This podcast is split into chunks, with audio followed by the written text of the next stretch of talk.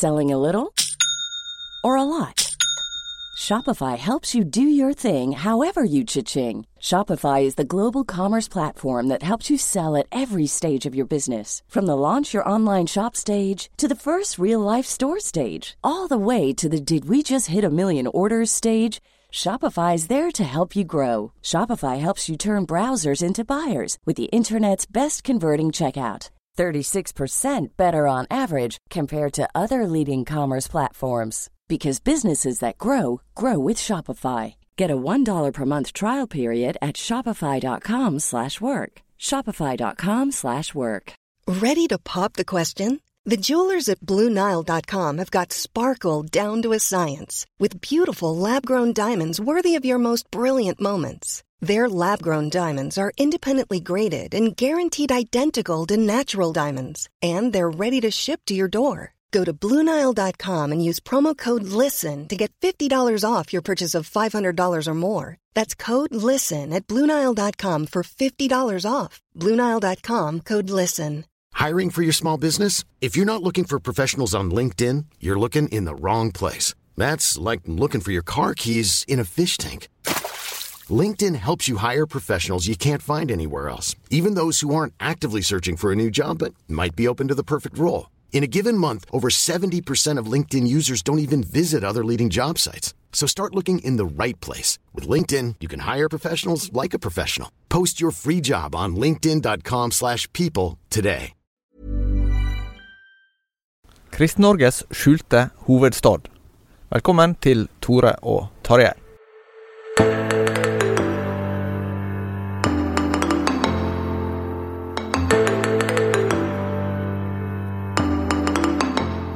Vil vel si, Tarjei Gilje, at i dag har vi helt uvanlig idylliske eh, omgivelser å spille inn podkast i. Ja, Tore Hjalmar Selvik, dette må være tror jeg, de mest idylliske, idylliske omgivelsene vi har vært i noensinne og gjort opptak. Vi står og ser bort på Kristianholm eh, festning. Vi ser utover eh, fjorden her. Det er faktisk, altså Vi er i slutten av oktober, men det er jo absolutt tilløp til sørlandsidyll her fortsatt. Ja, det vil jeg si. Og eh, vi har valgt tittelen 'Kristen-Norges skjulte hovedstad' av eh, kanskje som en oppsummering av det vi har opplevd nå disse to dagene her nede. Det er riktig. Kristiansand er jo ikke Norges største by i antall mennesker. Der bor vel kanskje 90 100 000 mennesker ca. Men den relative oppslutningen om kristent arbeid tror jeg ikke er større i noen annen norsk by. Vi er jo vant med å tenke på Nidarosdomen og Trondheim som Norges kirkehovedstad, men jeg må trygt kunne si at dette her er Norges frikirkehovedstad, iallfall. Det påpekte jo rektor Ingunn Folkestad Breistein på Ansgar eh, høgskolen eh, i går. Nettopp det at, eh, at, andelen frikirkelige kristne antagelig er større òg her enn i noen annen norsk by. Det er jo i seg sjøl interessant. Absolutt. Eh, vi har vært innom flere av de eh, frikirkemenighetene nå på denne turen. Vi begynte jo med Ingunn Folkestad Breistein, som vi skal få høre mer fra i et uh, lite intervju seinere. Men vi fortsetter til det som er den største menigheten i landet i frikirka, som vi sier, eller Den evangelisk-lutherske frikirke. Den ligger her i Kristiansand, og de hadde jo en del virksomhet som vi må kunne si er litt spesiell. Ja, og det illustrerer litt av, av, det som er en sånn rød tråd her. At det ser ut for at Eller det visste vi jo for så vidt, men vi får det tydelig gjort at sekulariseringen har ikke kommet like langt her som i mange andre landsdeler. Når man i, i Kristiansand frikirke har kanskje 1300 medlemmer, skal ikke vi kjøre lenger enn 15-20 minutter inn til Vennesla. Eh, og Der er det en ny frikirkemenighet som òg har rundt 1000 medlemmer. Eh, I menigheten her inne i Kristiansand så hadde de altså seks kor. Eh, det var en sånn eh, munnhell nærmest blant enkelte ungdommer i, i vanlig offentlig skole at eh, neimen, vi er bare seks kristne i klassen vår. Ja, det var rett nok sagt på Flekkerøya. Flekkerøya er jo i seg sjøl en interessant historie med 3500 innbyggere. Der møtte vi jo både, både kirke, altså daglig leder i kirken der det skal åpne en ny kirke nå om en måned, og bedehusforsamlingen som Indremisjonsforbundet og Misjonssambandet driver sammen. Av da 3500 mennesker på Flekkerøy, så var ikke det 20% som var innom eh, kirken i løpet av 2018. Det ville jo vært et ganske høyt tall i de fleste norske eh, byer, tror jeg. Men det var faktisk 20% som var på menighetsweekend.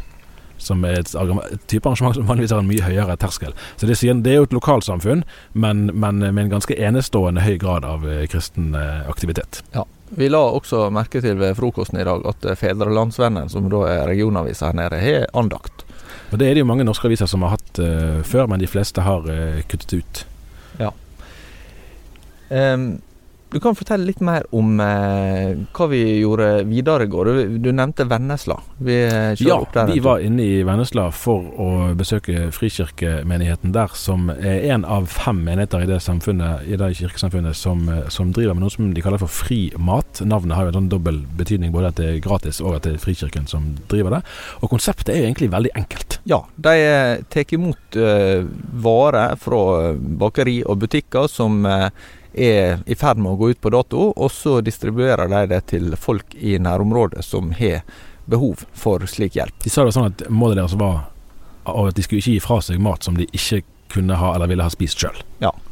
Uh, og uh, da er det sånn at enten så kan de få rapportert inn fra uh, politi eller fra helsemyndighet eller fra andre at der kanskje er noen som, som kunne ha bruk for litt matvarehjelp. Eller at det kan være folk som, eh, som melder seg sjøl og kommer dit for å ta imot. Det var rundt en fjerdedel som kom til kirka for å, for å ta imot. Nettopp. nesten kjører de ut ja. sjøl, så det krever jo et visst apparat å ha folk som kan distribuere. Noe av det som det gjorde sånn inntrykk på meg å høre på, det var han ene vi snakket med hadde bodd i Vennesla i 55 år, så han skulle da kunne kjenne bygden forholdsvis godt. Men han hadde blitt reelt overrasket over hvor mange det var da som eh, faktisk eh, hadde behov for, for, mat, som er en selvfølge eh, for de fleste i Norge. Og det er vel et paradoks som Eh, jeg tror Lurer på om han Edin Løvaas er så regna som retreatbevegelsens eh, far i Norge, som eh, eh, var inne på det. Og så sikkert ikke spesielt eh, Ja, flere ser vel det samme mønsteret. At hvis mennesker lever i en menighet og lever en noenlunde sånn fornuftig kristen livsstil, så kommer en etter hvert til å greie seg brukbart økonomisk, kanskje til og med ganske bra. Det ironiske blir jo da at kristne lett kan miste kontakter med de som strever med livet sitt. Og eh, sånn sett så var det tiltaket ganske ja, eh, fint eksempel på det å drive praktisk diakoni som også setter menigheter i kontakt med, med, folk som kanskje ellers aldri finne, ville finne på å dukke opp der. Nettopp. Og det har vi faktisk sett eh, flere eksempler på her i byen. Det ene er jo altså Den største frimenigheten i Kristiansand er jo Philadelphia, eh, som har bygget dette her storslåtte Q42-kvartalet. Så ligger som, vegg i vegg med Kristiansand frikirke. Riktig. Som det er virkelig eh, omfang på diakonien deres. Der har vi ikke besøkt eh, den delen av deres eh, virksomhet eh, nå. Men derimot så var vi i dag og besøkte prosjektet Blå Kors, som har holdt på lenge, men ja. som har hatt en voldsom oppblomstring de siste fem årene her. Ja, Blå Kors eh, i Kristiansand eh, er jo 110 år nå i år. Og det er en diakonal bevegelse som eh, mange kristne kirkesamfunn i Norge står sammen om. Men veldig mange kristne vet ikke at de står sammen om det. Mm. Eh, men her i Kristiansand så har de eh, utvikla arbeidet. Det er jo mye samarbeid med det offentlige, sånn at de er integrert i velferdstjenestene i ganske stor grad. Men de har samtidig et uh, kristent forsamlingsarbeid som samler folk fra forskjellige plasser i Eller som tilhører forskjellige menigheter og forsamlinger i Kristiansand. Og har jo økt antallet ansatte ganske mye. Nå har de også åpna et sånn her chatsenter der uh, ungdom kan ta kontakt om mobbing og drive med, med rusomsorg og, og, forebygging og forskjellige ting. Så det var egentlig ganske interessant å, å se hvordan de hadde utvikla det arbeidet. Altså, de snakket om at i løpet av et år Det var kanskje litt fare for dobbelttelling, men at de kanskje var i berøring med så mange som 50 000 mennesker. Ja. Et ganske høyt eh, tall. De hadde også skaffa seg en skatehall bort på Lund, ja. altså som er litt øst for Kristiansand sentrum. Ja, Det var veldig beundringsverdig. Altså, I det hele tatt har vi møtt eh, mange vitale eh, menighetsmiljø og, og, kristne miljø av andre typer. Eh, og, og, de er samlet eh, på et såpass konsentrert område her at det gir en samlet tyngde som, som skiller seg fra det vi møter i norske byer eh, for øvrig. Du har også nevnt en ting eh, flere av de plassene vi har vært nå på en turné, om at der det har vært tydelige kristne miljø, eh, blir det da også en tydelig opposisjon, ja. eh, kan en tenke seg. Eh, her er vel kanskje den plassen der vi tydeligst har fått det bekrefta. At, at eh, selv om eh, de kristne miljøene er veldig sterke og samler veldig mange, eh, så betyr ikke det at de er nødvendigvis ukontroversielle. Nei. Det har vært en, her er det mange lokale variasjoner, det er det viktig å huske på. Og, og historien er sammensatt, og det er komponenter i mange forskjellige retninger. Men, men, det ser ut til å være et trekk flere steder. At, at ja, der du får du kan jo, Vi kan jo tenke oss bare Hvis logikken på et gitt sted er at det er de i klassen som ikke er kristne, som blir ertet, snarere enn omvendt, så skaper jo det noen dynamikker som, som eh, ja, som gjerne var mer vanlig for noen generasjoner siden, men som i dag nok er ganske uvanlig rundt omkring i det norske samfunnet. Men når det skjer, når det er det som er situasjonen, eh, så forstår vi at det kan skape en opposisjon òg til, til, det kristne fellesskapet og til det å være kristen i seg sjøl. En av tankene med denne turneen er jo å eh, gjør leserne våre og oss sjøl eh, kjent med mer hva som skjer på den kristne grasrota. Noen eh, som sitter på plasser der det kanskje ikke skjer så veldig mye, eller der en ikke på noen måte kan sammenligne seg med det som skjer i Kristiansand, kan kanskje tenke ja ja, fint for de som bor der, men hva kan dette bety for oss? Har du noen tanker om det? Ja, altså realiteten er jo ulik eh, på ulike steder. og jeg tror ikke altså De sørlendingene vi har møtt, går ikke rundt med en sånn forestilling om at de lever i et sånn idyllisk eventyrland og alt er bra. De ser jo gjerne mest sine utfordringer. Og, og, det er jo på det rene at flertallet av befolkningen i Kristiansand går jo absolutt ikke til kirke på en vanlig søndag. Eh, og sekulariseringen er jo definitivt eh, eh nærværende her òg. Sånn at eh, ja, vi skal ikke overdrive forskjellene heller. Men, eh, men vi kan la oss inspirere. da, og F.eks. et sånt konsept som fri mat krever på ingen måte at man er på et sted som dette. Det kan i prinsippet alle eh, gjøre etter. Vi har to intervju vi skal uh, sende i dag, i tillegg til den innledninga vi har hatt nå. Og det er først et som du har gjort alene. Ja, eh, det er altså Jeg tror kanskje vi tar rekkefølge omvendt, men at vi tar Ingunn Folkestad Breistein først. Hun som er altså rektor både på Ansgar bibelskole og på Ansgar eh, Det heter ikke lenger Teologisk høgskole, men det er det det har vært kjent som. De har flere fagdisipliner som de underviser i.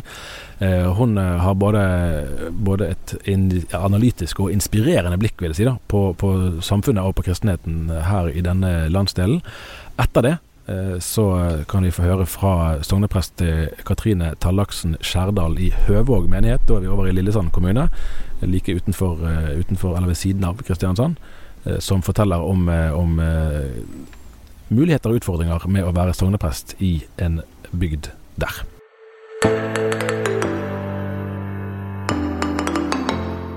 Ingunn Folkestad Breistein, du er altså rektor både på Den teologiske høgskolen og på bibelskolen her på Ansgar. Nå sitter vi og ser utover vakre fjorder i, utenfor sørlandshovedstaden.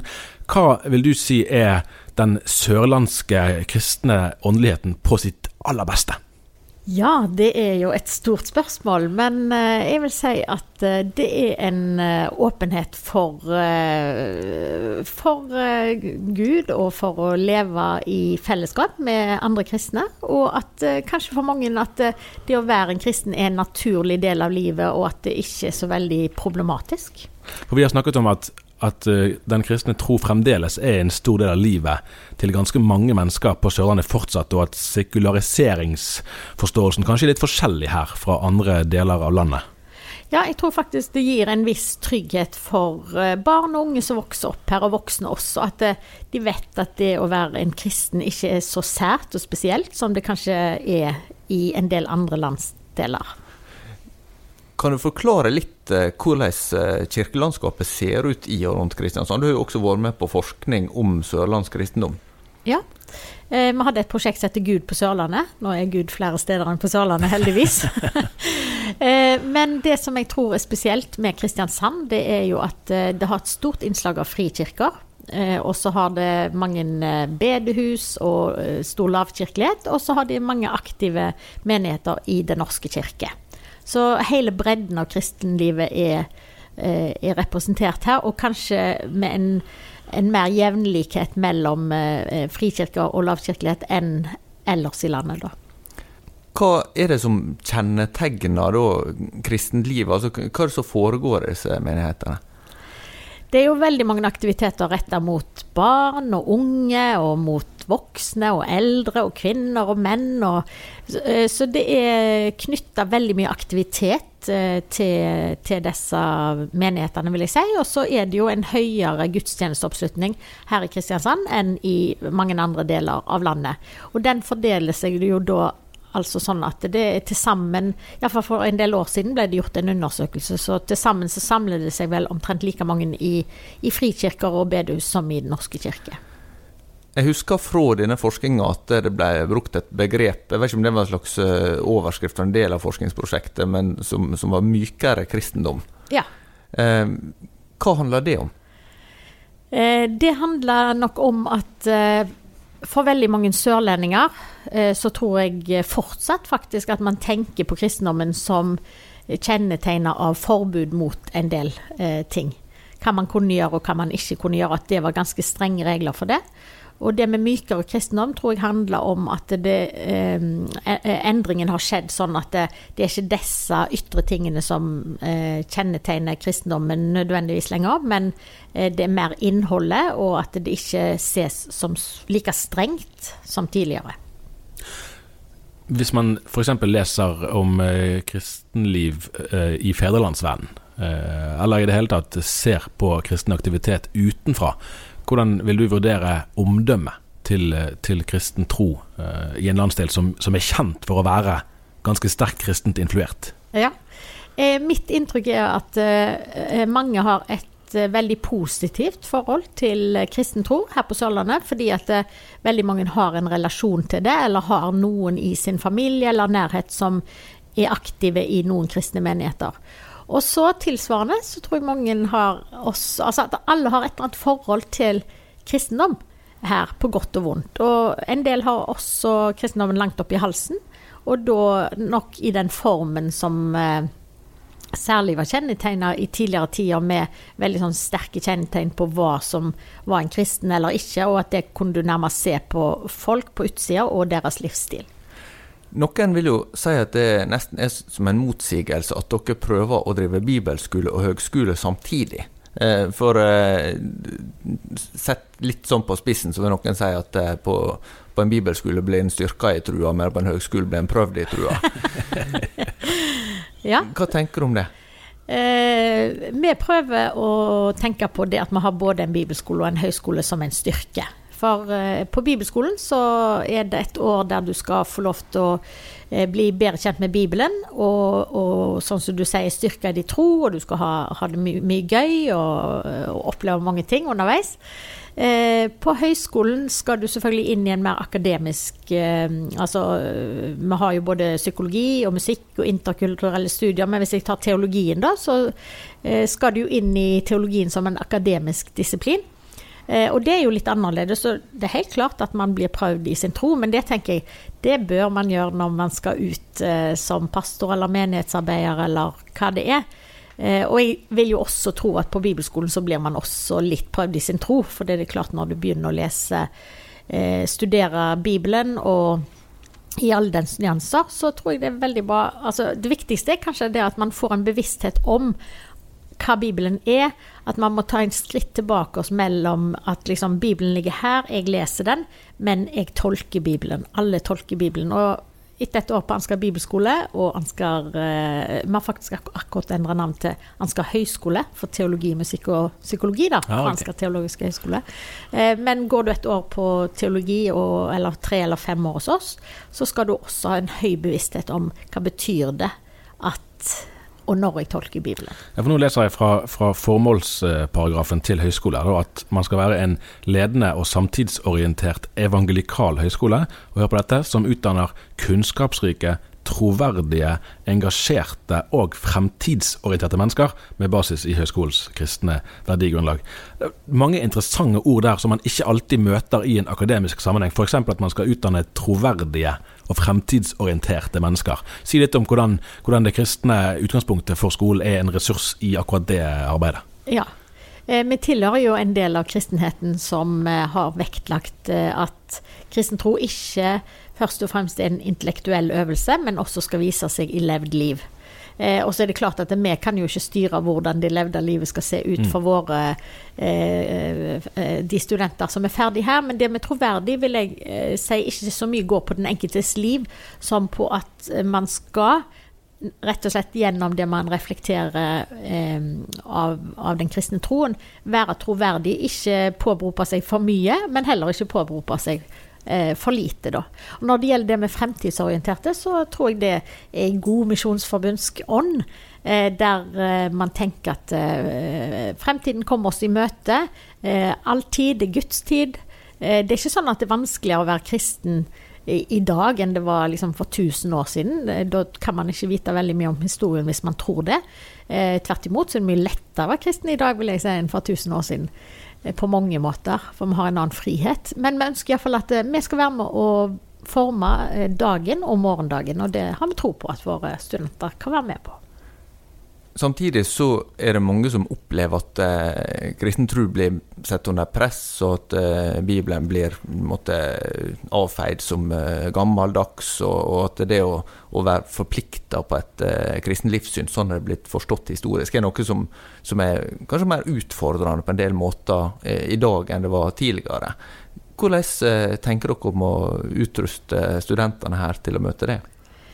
Ja, eh, altså Jeg tror jo at eh, his, sett historisk, da, så vil jo eh, det, det kristne enhetssamfunnet som har vært i Skandinavia f.eks. være et unntak i, i historien. Eh, eh, det å snakke om det kristne Europa har jo vært eh, altså Hva som har kjennetegna det, det har jo vært mye konflikter, både, både om teologi og om altså, krig og fred og sånn, for å si det. Men vi ønsker jo at våre, våre studenter skal eh, bli istandsatt til å møte en krevende virkelighet. Eh, det er ikke lenger sånn at du kan ta for gitt at resten av storsamfunnet mener det du mener. Heller ikke Norges lover og, og forordninger står nødvendigvis i pakt med det som er, er eh, sånn som jeg forstår Bibelen. Eh, Men jeg vil si at vår tid ligner mer på den første kristne tid enn enn kanskje den gjør på en eh, eh, på, på kristenlivet på 1800-tallet. da, Og at, eh, at man lever i et pluralistisk samfunn. Og det, jeg tror ikke at eh, Altså, jeg har stor tro på at eh, selv om man en, kanskje opplever seg som en minoritet, så har jeg jo stor tro på budskapet eh, som vi får lov til å være med og bringe. Du satt jo i Stålsett-utvalget som eh, kom med ei innstilling som eh, 'Det livssynsåpne samfunn'. Hvordan eh, ser du åpninga for livssyn i det, det norske samfunnet?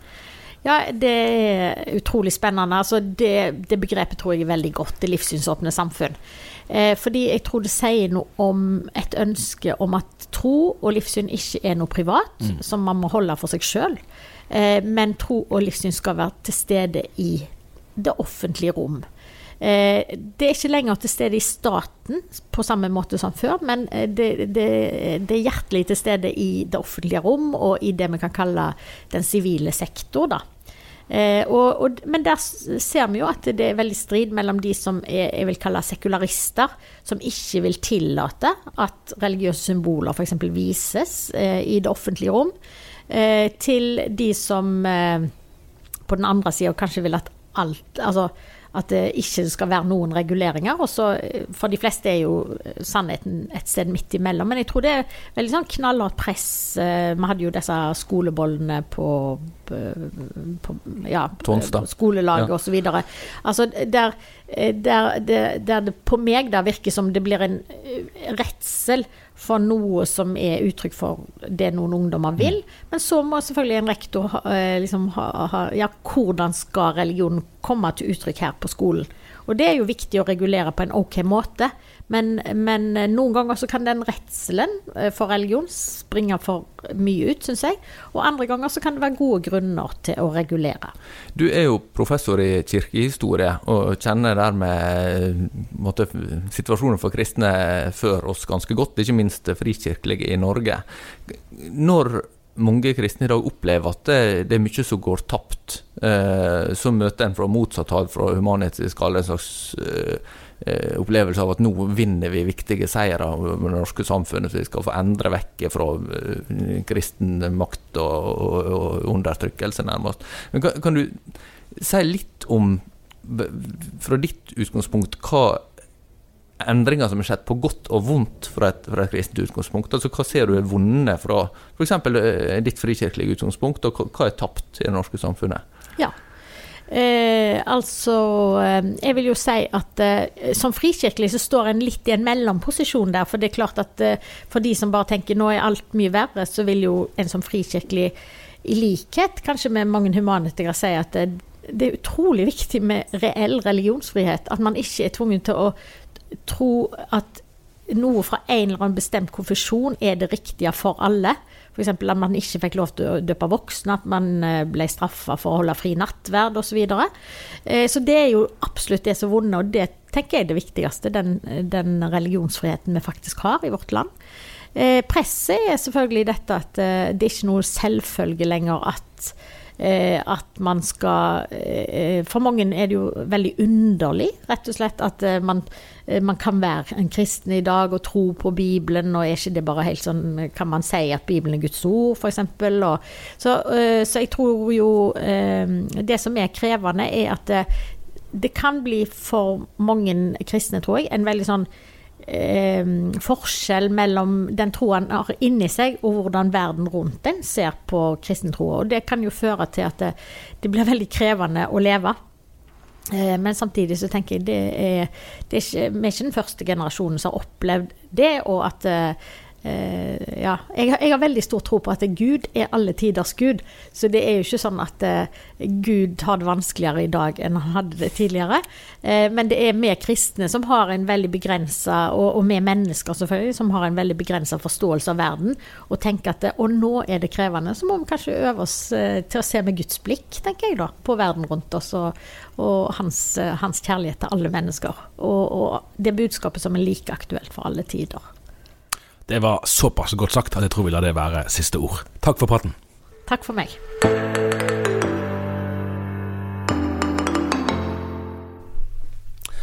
Da har vi kjørt en liten halvtime ut fra Kristiansand. Vi er kommet til Lillesand kommune, til Høvåg. Og her er du, Katrine Tallaksen Skjærdal, sogneprest, og det har du vært siden 2004. Hva er det beste med å være sogneprest i Den norske kirke på Sørlandet? Eh, i hvert fall å være prest i Høvåg er helt fantastisk. Hvorfor? Det er en eh, Det er jo ei vakker bygd, sånn tradisjonsrik og rett i blindleia og sånn. Og så, så er det et veldig, eh, et veldig sterkt og mangfoldig kristenliv. Ja. Og eh, en sånn dugnadsånd som jeg syns er veldig fin. Um, og så eh, og så er det Det er jo veldig sånn kirke og bedehus eh, som Ja, hånd i hånd. Ja, For nå sitter vi faktisk i bedehuset, ja, rett over veien for kirken. Nettopp. Vi har en middelalderkirke fra kanskje 1100-tallet, og et, et bedehus, svært bedehus, som sto ferdig bare noen måneder før vi kom hit. Um, og, og de Ja og det er liksom det som fins av kristent arbeid. Sant? Det er ingen frikirker og ingen andre bedehus og, og sånn. Så, så, de som eh, Så er det jo her vi eh, holder på. Og du har kontorene dine i etasjen under, i, ja. i bedehuset, så å si, da? Stemmer. Ja. ja. Det sier jo kanskje noe om at dette er et nært forhold? Ja, det er et nært forhold. Og vi har, vi har felles nettside og kalender, og vi regner oss liksom som én flokk. Mm. Um, og um, Eh, ja. Og her er det mange som har andre medlemskaper enn Den norske kirke, ja. som regner dette som sin, som sin, menighet. Ja, for Hvordan opplever du lokalbefolkningen sitt forhold til da kirken og bedehuset? Er det noe som samler alle, eller er det noe som er som deler av befolkningen? Eh, det er jo eh, Det er jo mange som kjenner seg hjemme her, og så er det jo mange som ikke går her så ofte. Mm. Um, men det er god oppslutning om eh, trosopplæringstiltak. Eh, eh, ja Alt fra babysanger og oppover. Og, og det er liksom det Jeg tror mange kjenner at, at bedehuset at, at ikke terskelen er så voldsomt høy, da. Mm. For eksempel så sitter dere akkurat nå og ser på plakaten til den store årlige bedehusbasaren, ja. som er første lørdag i november. Og der er jo eh, Det yrer og kryr. Hele, ja, masse, masse folk. Akkurat. Så ja.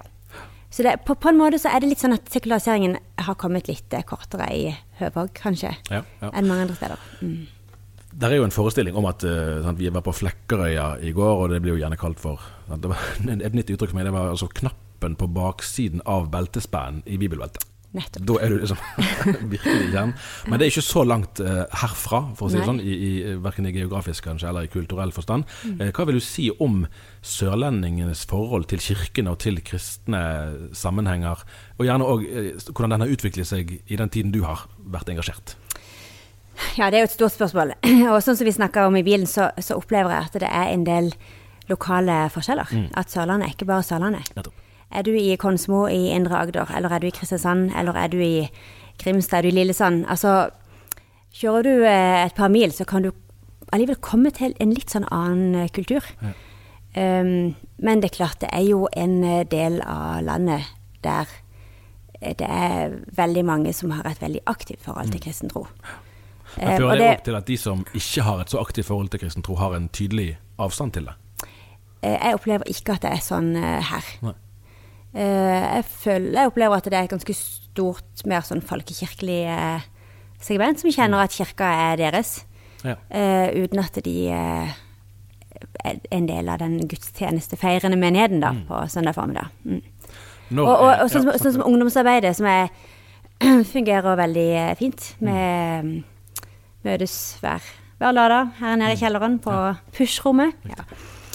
Ehm, så, så er jo eh, altså at det oppleves som et uh, trygt sted å Ja. sende ungdommene sine. Ja. Og nesten alle er jo konfirmanter i Den norske kirke. Ja. Når er det du sjøl kjenner at uh, i, det, i den situasjonen der, da er det virkelig fabelaktig flott å få være prest? Det kan jo være i mange, mange situasjoner. Det, det er jo sånn på landet at folk er veldig gode til å følge i begravelser. Ja. Um, og sånne full kirke når det er begravelse. Og spesielt når, eh, når vi eh, Spesielt når den som er død, på en måte i sin begravelse nærmest avlegger et siste vitnesbyrd. Når en kan fortelle om livet til den som er gått bort. Eh, og det blir liksom uh, Ja. At det blir til et vitnesbyrd for oss som lever videre. Det er veldig fint. Og eh, gudstjenester der konfirmantene er i sving, og eh, ja Ungdommene eh, nå er jo Det er utrolig mye fine ungdommer som eh, Ja. Som deltar med alt mulig og Ja. Akkurat. Eller når han sier det, ja. Det er jo tusen, tusen ting. Ja, det er det. Mm. Der er jo en forestilling om at sørlendingene er litt sånn lavmælte og forsiktige og litt sånn seige. Eh, Ja. Kjenner du igjen For det, det kan jo være, være en kontrast sånn, til den mer eh, pietistiske, strenge lov- og evangeliumforkynnelse, der man skal ha tatt tydelige standpunkter og skal ha tydelige synspunkter Mm. på hva som er synd og ikke synd, eh, som kan, eh, kan bryne seg litt mot en mer, sånn, eh, mer forsiktig eh, Mm. Ja. Mm. tilnærming til både livet og til gudstroen og det åndelige livet. Hvordan, hvordan forenes dette?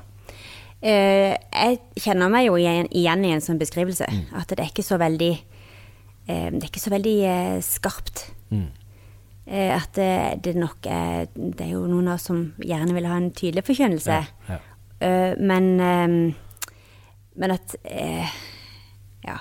Det, det, jo en, det er jo mange sånn utrolig fine folk i menigheten som er Ja. Som eh, Ja. For eksempel så er det et, et bønnefellesskap som møtes eh, hver lørdag, hver tirsdag. Fantastisk gjeng. Og det er Ja. Og der er det noen sånne de der sterke, lavmælte Litt sånn, ja. Eh, ja. Så det Nettopp. Ja. Hm, spennende. Eh, Det var kirkevalg tidligere i høst, og du er blitt kirkemøtedelegat mm. som, altså på prestekvoten, eller Ja. hva vi skal kalle det for. Eh, Hvordan ser du på det engasjementet i den situasjonen som Den norske kirke er i nå, der det har vært spent sant, rundt samlivsetikken i, i mange år, eh, og så har, har Åpen folkekirke siden vunnet, og det ser ut for at at den seieren eh, blir stående eh, i, i en del år fremover. Flere markerte kirkemøtedelegater på den konservative siden trakk seg ut. Eh, du har kommet inn. Er det noe du gleder deg til, eller er det mer en, en kallsopplevelse eller en plikt, eller hvordan ser du på det? Eh, Jeg ser fram til mm, arbeidet i bispedømmerådet. Det skjer veldig mye fint på bispedømmeplan i vårt bispedømme. Eh, Som ikke bare handler om eh, konfliktlinjer, men som handler om å bygge opp menigheter. og Det er noe med det bygdekonferansen. Ja. Eh, ja. Den kan du jo google. Ja. Ja. Ja. Nei, men det, det, er, det er mye fint som skjer på bispedømmeplan, og jeg syns det er veldig meningsfylt å være med og ansette prester. Ja. Og det å skulle gi en menighet en prest, det, det har jeg et litt sånn eh, det, det, er litt sånn Det fyller meg med litt sånn ærefrykt, for det er en stor, eh, en stor avgjørelse. Når det gjelder kirkemøtet, så kjenner jeg nok at jeg er litt sånn avventende. Mm. Eh, og eh, jeg er nok ikke helt klar for å gå veldig sånn sterkt ut med sterke synspunkter hvordan dette, på hvordan dette kommer til å bli. Mm. Nå er det jo ikke samlivsspørsmålet som ligger an til å bli den store saken, det er mer organiseringen av kirka og disse to arbeidsgiverlinjene som tenkes eh, bli til én. Og det er, jo, det er jo en stor, krevende sak på en annen måte. Ja. Men eh,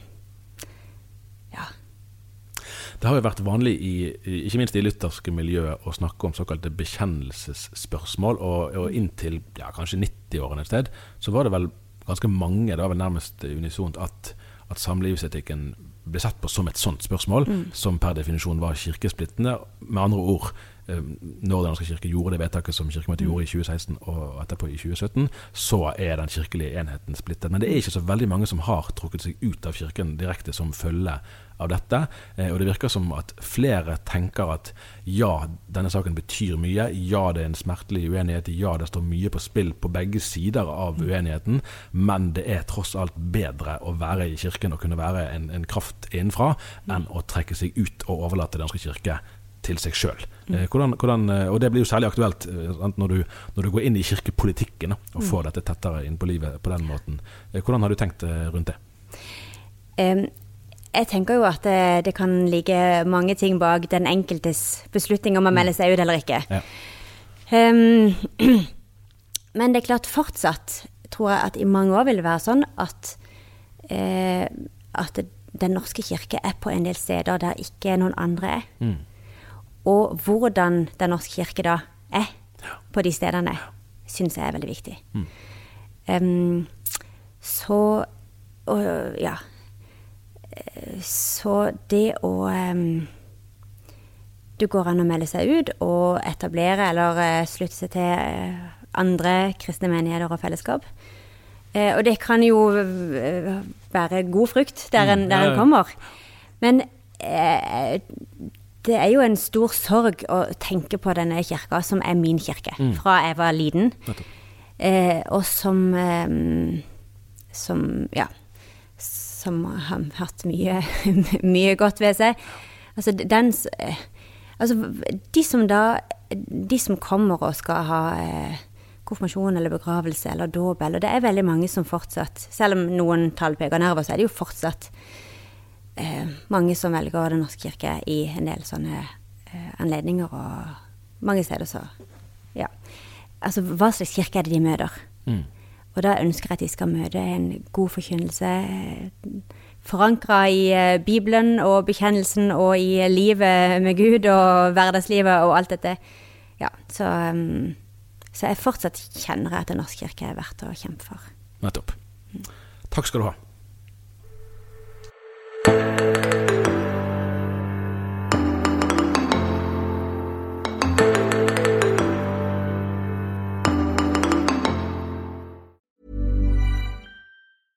Selling a little or a lot? Shopify helps you do your thing however you cha-ching. Shopify is the global commerce platform that helps you sell at every stage of your business. From the launch your online shop stage to the first real life store stage, all the way to the did we just hit a million orders stage. Shopify is there to help you grow. Shopify helps you turn browsers into buyers with the internet's best converting checkout. 36% better on average compared to other leading commerce platforms because businesses that grow grow with Shopify. Get a $1 per month trial period at Shopify.com slash work. Shopify.com slash work. Summer's just around the corner, so give your body the care it deserves with Osea's best-selling Andaria algae body oil. Created by infusing Andaria seaweed in barrels of botanical oils, it leaves skin silky soft and glowing Plus, it's clinically proven to improve elasticity and deeply moisturize without feeling greasy. It's safe, clean, vegan skincare. Get 10% off your first order at OseaMalibu.com with code GLOW, plus free shipping on orders over $60.